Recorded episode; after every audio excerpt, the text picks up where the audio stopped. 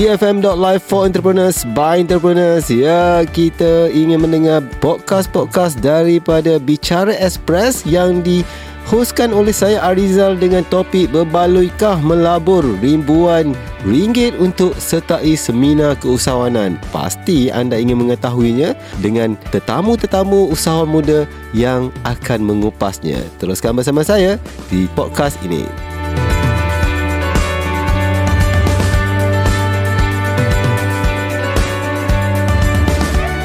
Tetamu saya hari ini Ah, siapakah beliau? Ah, saya ingin perkenalkan dan mengucapkan selamat datang kepada Coach CD dari contempreneur.com. Apa ah, khabar Coach? Baik, baik. Terima kasih DJ Ariza. Terima kasih menjemput saya kali ini. Okey. Ah. Ha, lama tak bersiaran dengan kita ni. Ha, kita insya-Allah selamat. Saya nak ucapkan juga selamat Hari Pekerja kepada para pekerja di Malaysia, mm-hmm. terutama perkara pekerja, pekerja yang di EFM ni yang sangat bekerja bertungkus semua hmm. untuk menaikkan jenama EFM. Terima kasih dan kita walaupun hari ini satu uh, satu Mei kita tetap bekerja memberikan yang terbaik untuk pendengar-pendengar hmm. EFM. Okey, coach, ah nak tanya ni ceritakan sikit, kongsikan dengan pendengar-pendengar EFM apa itu contempreneur.com. Okey, contempreneur.com ni ditubuhkan sejak daripada tahun 2010. Mm-hmm. So dah hampir 9 tahun lah. Mm-hmm. Apa yang kita buat di contempreneur.com ni kita ada pasukan yang membina konten dal- untuk bisnes. Mm-hmm. Dan terutama juga kita juga membantu usahawan-usahawan terutamanya usahawan konten yang mana dia mereka ni yang uh, konten mereka dijadikan produk. Ah, okay. contohnya digital book, mm-hmm. uh, podcast, mm-hmm. uh, audio book. Uh, inilah kita bantu untuk bekerjasama dengan kita untuk menghasilkan produk yang mana kita akan bantu untuk pasarkan bukan saja di Malaysia tapi di seluruh dunia. Wow, uh. hebat tu. Kerja-kerja yang sangat bagus yeah. yang uh, apa ni digunakan ramai usahawan-usahawan kan. Yeah. Ah, jadi uh, saya nak ucapkan pada coach dan juga tim lah kerana mm-hmm. ada inisiatif untuk uh, membantu usahawan-usahawan. Coach, Uh, kita masih tadi saya ada bercerita berkenaan mm. topik kita kan mm-hmm. iaitu berbaluikah melabur ribuan ringgit untuk uh-huh. sertai seminar keusahawanan. Nak tanya dengan coach ni. Mm. Uh, soalannya lah mm-hmm. Mahal tak kalau nak sertai kelas coach ni? Okey, bagus soalan tu. Hmm. Uh, dia macam ni. Pada pendapat saya, hmm. uh, kita pergi dapatkan uh, coaching, kelas, seminar mm-hmm. ni adalah bila dia ada dua dua situasi. Mm-hmm. Pertama ketika kita sakit, bisnes mm-hmm. kita sakit mm-hmm. ataupun kita nak berkembang. Mm-hmm. So katalah kita bisnes tengah sakit. Mm-hmm. Tengah sakit tapi pada masa tu kita tak ada duit. Ha, bisnes dah lah bisnes sakit duit Mm-mm. tak ada pula. Mm-hmm. Kita umpamakan analogi seperti kita uh, sakit sakit demam. Mm-hmm. Kita demam, bisnes kita demam. So kita ada dua option. Mm-hmm. Sama ada kita pergi ke uh, hospital biasa mm-hmm. uh, bayar RM1 mm-hmm. ataupun kita pergi ke private mm-hmm. bila kita ada option. Kalau kita tak ada duit, kita pergi yang bayar RM1. Mm-hmm. Ha, dapat juga uh, servis yang sama. Mm-hmm. Ha, bukan kata sama, cuma kita tak dapat environment yang betul. Sebab apa? Kita sak- hanya sakit kepala dan demam. Mm-hmm. Kita tahu dalam bisnes kita, kita hanya perlukan untuk marketing. Mm-hmm. Kita bukan bisnes kita dah grow apa semua. Maksudnya kita perlu pergi, ada dua option. Mm-hmm. Ada setengah tu, dia nak jumpa, uh, dia nak pergi seminar yang biasa. Banyak seminar percuma. Dia panggil uh, seminar macam seminar teaser kan. Mm-hmm. Ada juga seminar ini memang diberi diberikan percuma mm-hmm. oleh badan-badan kerajaan. Mm-hmm. Hanya anda perlu mencari. Betul. Maksudnya macam hospital kerajaan lah. Betul. Pergi bayar RM1. Mm-hmm. Ha, ataupun anda rasa, eh aku dah lama berniaga. Cuma aku ada problem sikit. Mm-hmm. Demam juga. Mm-hmm. Cuma aku rasa nak dapatkan private punya servis. Mm-hmm. So dia pergi ke eh, coach yang bayar mahal-mahal tu. Betul. Jadi coach tu akan special treatment. Mm-hmm. Ha, datang bagi air semua kan. Kalau datang seminar percuma, dat- masuk je lah. Mm-hmm. Ha, daftar name tag pun tak dapat. Ha, itu treatment masing-masing. Mm-hmm. Itu yang saya boleh bagi analogi tentang tajuk hari ini. Okey. Ha. Uh, sebagai seorang coach eh jawab mm. sebagai seorang coach mm-hmm. jujur. yeah, Alright. Okey. Kebanyakan kita tengok di luar sana ramai kadang-kadang orang mengaku mereka adalah pakar. Uh-huh. Okey. Mereka pakar uh, marketing, uh-huh. mereka pakar tu, pakar ini. Tapi macam mana sebab ramai kita tahu yang di luar sini usahawan muda ni dah uh-huh. hargakan ilmu uh-huh. dan mereka sentiasa mencari um, seminar-seminar uh-huh. apa ataupun kelas-kelas keusahawanan ni. Uh-huh. Dan tak risau ke ataupun bukan tak risau lah maksudnya kita khawatir ada pihak-pihak yang tidak uh, apa ni bertanggungjawab mengambil kesempatan mm-hmm. ke Mhm. atas usahawan-usahawan muda ini dengan meletakkan harga-harga yang tinggi. Mhm. Jadi mereka ni yang dah hargakan ilmu ni sanggup berbayar berikat perut sedangkan Mhm. mereka ni usahawan-usahawan muda yang masih baru dalam bisnes. Mhm. Uh, jadi mereka sanggup bayar beribu-ribu ringgit untuk menyertai kursus-kursus ni. Okey, pad- jadi pandangan coach macam mana tu? Pada saya jika anda mula berniaga pada fasa pertama, Mhm. mm-hmm. fasa baru masuk, Mhm. mm-hmm. uh, anda perlu cari yang nombor satu yang pernah saya buat masa saya first first buka bisnes mm-hmm. dulu adalah mentor. Mhm. Ah mentor ni kebanyakan mentor ni uh, anda boleh dapat dalam bidang anda atau bukan bidang anda. Mm-hmm. Termasuk kaum keluarga. Mm-hmm. Ah keluarga kaum keluarga jaranglah mm-hmm. dia nak minta charge datang Betul. jumpa pak cik yang berniaga. Mhm. Uh, pak cik saya datang nak belajar lah mm-hmm. uh, berniaga. Nombor satu anda kena rendahkan diri. Mm-hmm. Uh, tak semestinya anda terus kadang-kadang kita ni terlampau fanatik nak terus pergi cari orang luar daripada kita punya circle. Mm-hmm. Actually circle kita mm-hmm. dekat kita dah ada ramai orang yang ada ilmu. Mm-hmm. Uh, dia bukan hanya ilmu yang paling mahal dalam bisnes ataupun uh, apa-apa pun mm-hmm. adalah pengalaman. Mm-hmm. Pengalaman ni yang yang dah telah diuji uh, ilmu ni kadang-kadang belum tentu uh, jadi. Mhm. Tapi pengalaman ni based on dia punya pengalaman. Mm-hmm. Jadi pengalaman ni maksudnya kalau dia dah termasuk lubang tu dia boleh beritahu kita. Mm-hmm. Jadi pada saya pendapat saya adalah kepada usahawan-usahawan yang baru bermula mm-hmm. macam saya dulu mm-hmm. saya cari orang yang paling dekat dengan saya. Masa mm-hmm. tu saya cari pak cik saya. Mm-hmm. Ha, pak cik saya bukan sahaja bagi nasihat bagi duit. Mhm. Oh, sebab apa dia tengok kita punya semangat nak berniaga. Mm-mm. Ha, jadi anda tak perlu cari orang yang terlampau jauh daripada circle anda. Mhm. Even anda boleh cari yang orang dekat-dekat dengan anda. Anda Mm-mm. kadang-kadang jangan abaikan orang yang dekat dengan anda sebab mereka ni telah ada pengalaman. Mhm. Dan kalau anda dah rasa dah cukup masa dengan orang dekat untuk anda tidak da- tidak tertipu Mhm. mm-hmm. dan tersilap labur mm-hmm. dapatkan referen yang betul. Mhm. Ha, jadi pada orang yang telah belajar dengan orang tersebut. Ha, Okey. kadang-kadang uh, anda juga perlu in, sekarang kan internet ada. Betul. Anda Google lah dulu orang tu. Mhm. Uh, ada tak track record dia? Mhm. Uh, kalau track record dia semua baik je pun bahaya juga. Betul. Uh, Mhm. Kita kena tengok juga setiap macam setiap coach ni dia ada kelemahan dia. Mhm. So kalau anda nampak kekuatan ni kat mana fokus kat situ. Mhm. Uh, jangan pergi minta coaching bab kelemahan dia. Macam contoh saya saya content development. Mhm. Kalau anda tanya saya pasal FB ads saya tak pandai. Mhm. Nah kalau saya tanya saya pasal email marketing mendalam saya tak faham. Mhm. Jadi saya hanya boleh fokus satu bahagian. Mhm. Kalau kita be- diberitahu doktor ni pakar 10 bahagian, ah, berhati-hati. Betul. Sebab doktor pakar selalunya satu atau dua bahagian saja. Betul, setuju Ah, sangat. Okey, pada pendapat coach lah kan. Mhm. Harga sampai beribu-ribu ringgit. Saya dengar kadang-kadang ada sampai RM60,000, RM50,000 untuk pergi kursus 3 hari 2 malam ni. Berbaloi ke?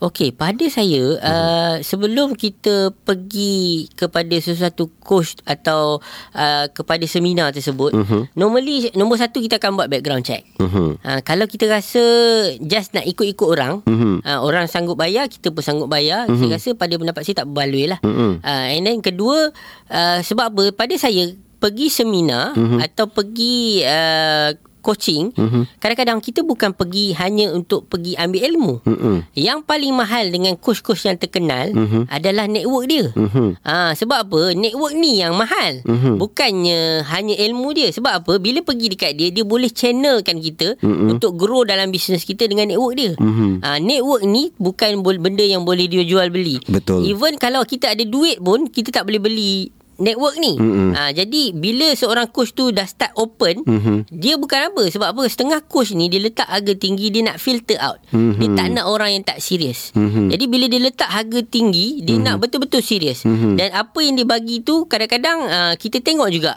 Dia bagi tu berbaloi tak dengan apa yang kita invest. Kita pun dulu macam pelik juga. Kenapa uh, mereka sanggup uh, keluarkan duit yang banyak? Mhm. Tapi dia mereka yakin dengan uh, bila dia involve dengan seseorang ini, dia akan dapat rangkaian lain, network lain, kepercayaan lain. Sebab apa? Uh, setiap orang ni dia ada dia punya pengikut. Jadi pengikut tu akan bantu untuk growkan dia punya network dan produk. Jadi pada saya bergantung kepada anda. Ah, Kalau anda anggap 60 70 ribu yang anda invest tu untuk pergi belajar, saya rasa tak berbaloi lah.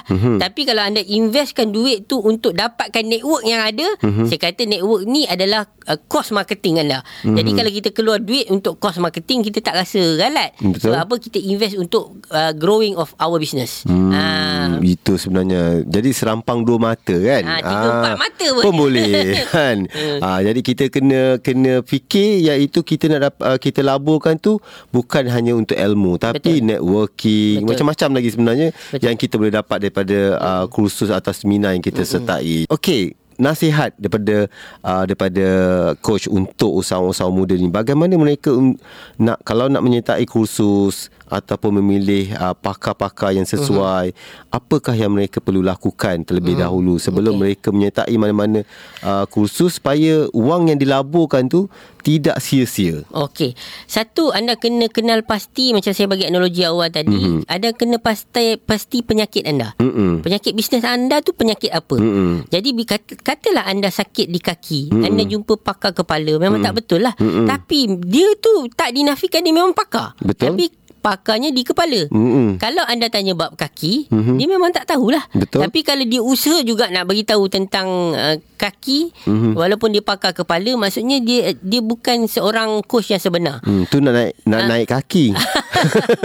Itu dapat kaki ya. Dapat kaki kan. So uh, pada saya ialah anda pun salah juga. Uh, kadang-kadang coach ni dia ada ego dia. Mm-mm. Bila orang tanya soalan semua dia kena jawab. Uh, pada saya kalau soalan tu saya tak tahu jawab saya cakap saya tak tahu. Mm-hmm. Sebab apa kadang-kadang kita tak boleh pakar semua bidang. Betul. Tapi kita sebagai contoh sebagai doktor tadi kan, Mm-mm. doktor pakar dia sebelum dia jadi doktor pakar dia jadi doktor biasa dulu. Mm. So normally uh, soalan-soalan biasa dia boleh jawab Betul. walaupun bukan dalam bidang dia. Mm-mm. Tapi bila nak pergi mendalam, contoh mm-hmm. anda ada pak, uh, kesakitan yang parah. Mm-hmm. Contoh dalam bahagian production. Production mm-hmm. anda banyak barang lebih, barang membazir. Mm-hmm. So anda kena cari seorang pakar untuk jimatkan uh, production anda. Betul. Kalau anda punya masalah di production, anda mm-hmm. pergi cari mentor marketing. Mhm. Ah, produk bila produk makin banyak, mm-hmm. pembaziran makin banyak. Betul. So anda sebenarnya men, memusnahkan bisnes anda sendiri. Mhm. Mm-hmm. Sebab apa? Bila marketing banyak, produk makin banyak, bazir makin banyak. Mm-mm. So anda dah salah identify kat mana anda punya kelemahan. Mhm. Mm-hmm. Contoh anda kata anda nak untung lagi 30%. Mhm. Mm-hmm. Oh, macam mana kita nak untung lagi 30%? Kita kena buat sales lagi banyak bagi 30% naik. Mhm. Mm-hmm. Pada saya, kalau anda betul-betul duduk balik uh, team anda, anda tengok kat mana anda boleh jimat 30%. Hmm. Production anda Kalau anda jimat 30% Barang tak membazir 30% Anda untung tak 30%? Betul betul. Terus anda untung 30% Maksudnya mm-hmm. anda kena cari mm-hmm. Bukan saja coach Kadang mm-hmm. anda boleh cari orang teknikal Bukan coach eh? Mm-mm. Teknikal untuk datang tengok ke tempat anda Untuk bantu anda Buat Bagi tempat anda cantik Production anda cantik Mm-mm. So anda tak perlu cari coach sebenarnya Mm-mm. Anda perlu cari orang teknikal Yang bekerja di mana-mana Yang dah ada pengalaman Mm-mm. anda bayar dia mungkin uh, katalah 500 sejam. Anda bayar datang untuk tengok tempat anda.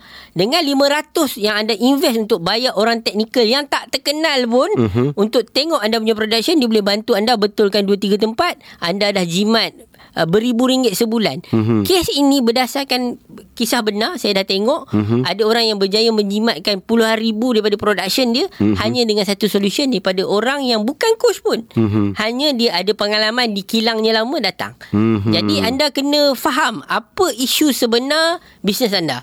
Ah, jangan hanya marketing, marketing, marketing. Mhm. Walaupun saya coach course content marketing Mhm. tak semestinya jumpa saya untuk dapatkan marketing punya tips. Mungkin anda kena tengok balik, mungkin tip keliling anda saja anda dah boleh terus untung. Itu Mhm. tips yang saya boleh kongsi untuk Mhm. uh, para usahawan di luar sana. Alright, itu dia panjang lebar daripada Coach Shidi. Mungkin ramai yang mendengar nak tahu macam mana nak hubungi coach, macam Okey. mana nak dapatkan uh, apa ni uh, kursus yang Mhm. uh, coach sediakan yang murah katanya, Mhm. betul ke? Sempena nak bulan puasa ni uh, kan kita Promo raya dia, Ah, promo raya. promo raya. Okey. Hmm. Saya nak bagi promo raya bukan promo lah. Mm-mm. Kepada usahawan-usahawan di luar sana mm-hmm. yang dah buat konten, Mhm. pamphlet ke mm-hmm. uh, video ke apa ke, saya offer secara percuma untuk dia hantar kepada tim saya Mhm. untuk review. Ah, Ah, okey. maksudnya bantu dia apa benda yang boleh tambah baik. Ah, tak kita tak tak charge you. Ah, kalau suruh kita buat kerja kita charge tapi kali pertama ni Mhm. kita review apa benda yang you boleh improve dari segi konten. Mhm. Khas untuk pendengar-pendengar EFM.live Mhm. ini khas untuk mereka hanya perlu WhatsApp kepada tim kita di 016 Mhm. 745 2769 hantar tulis situ uh, review daripada EFM kita akan bantu tim kita akan bantu apa benda boleh tambah nilai Mhm. untuk mereka. Daripada situ kita boleh bekerjasama. Dan pada saya saya anda boleh tengok harga coaching saya di website. Sangat-sangat saya rasa berbaloi jika masalah tu masalah konten. Ah, kalau anda tanya masalah lain anda bayar 10 20 ribu pun saya tak boleh jawab saya takkan ambil. Sebab apa? Bukan bidang saya. Hmm, Aha. itu dia sebenarnya. Jadi sebenarnya ianya tak adalah mahal kalau dengan Coach Shidi ni. Mhm. Kan boleh kau tim tepi lah. Ah, InsyaAllah InsyaAllah. Alright, terima kasih Coach Shidi di atas perkongsian tersebut. Banyak yang kita dapat kongsikan uh, kepada pendengar-pendengar EFM khususnya usahawan-usahawan muda berkenaan dengan topik kita pada hari ini. Jadi kepada anda uh, anda perlu ambil apa yang diberikan tadi supaya kalau kita tersilap langkah, kita yang akan susah. Jadi dalam kita membina bisnes kita nak mendapatkan ilmu ataupun uh, bantuan mentor ke atau coach ataupun coach tadi, kita kena tahu apa masalah kita. Kita kena tahu apa yang kita nak. Ha, jadi pada situ kita dah tahu dah macam mana kita nak selesaikan masalah-masalah tersebut. Alright.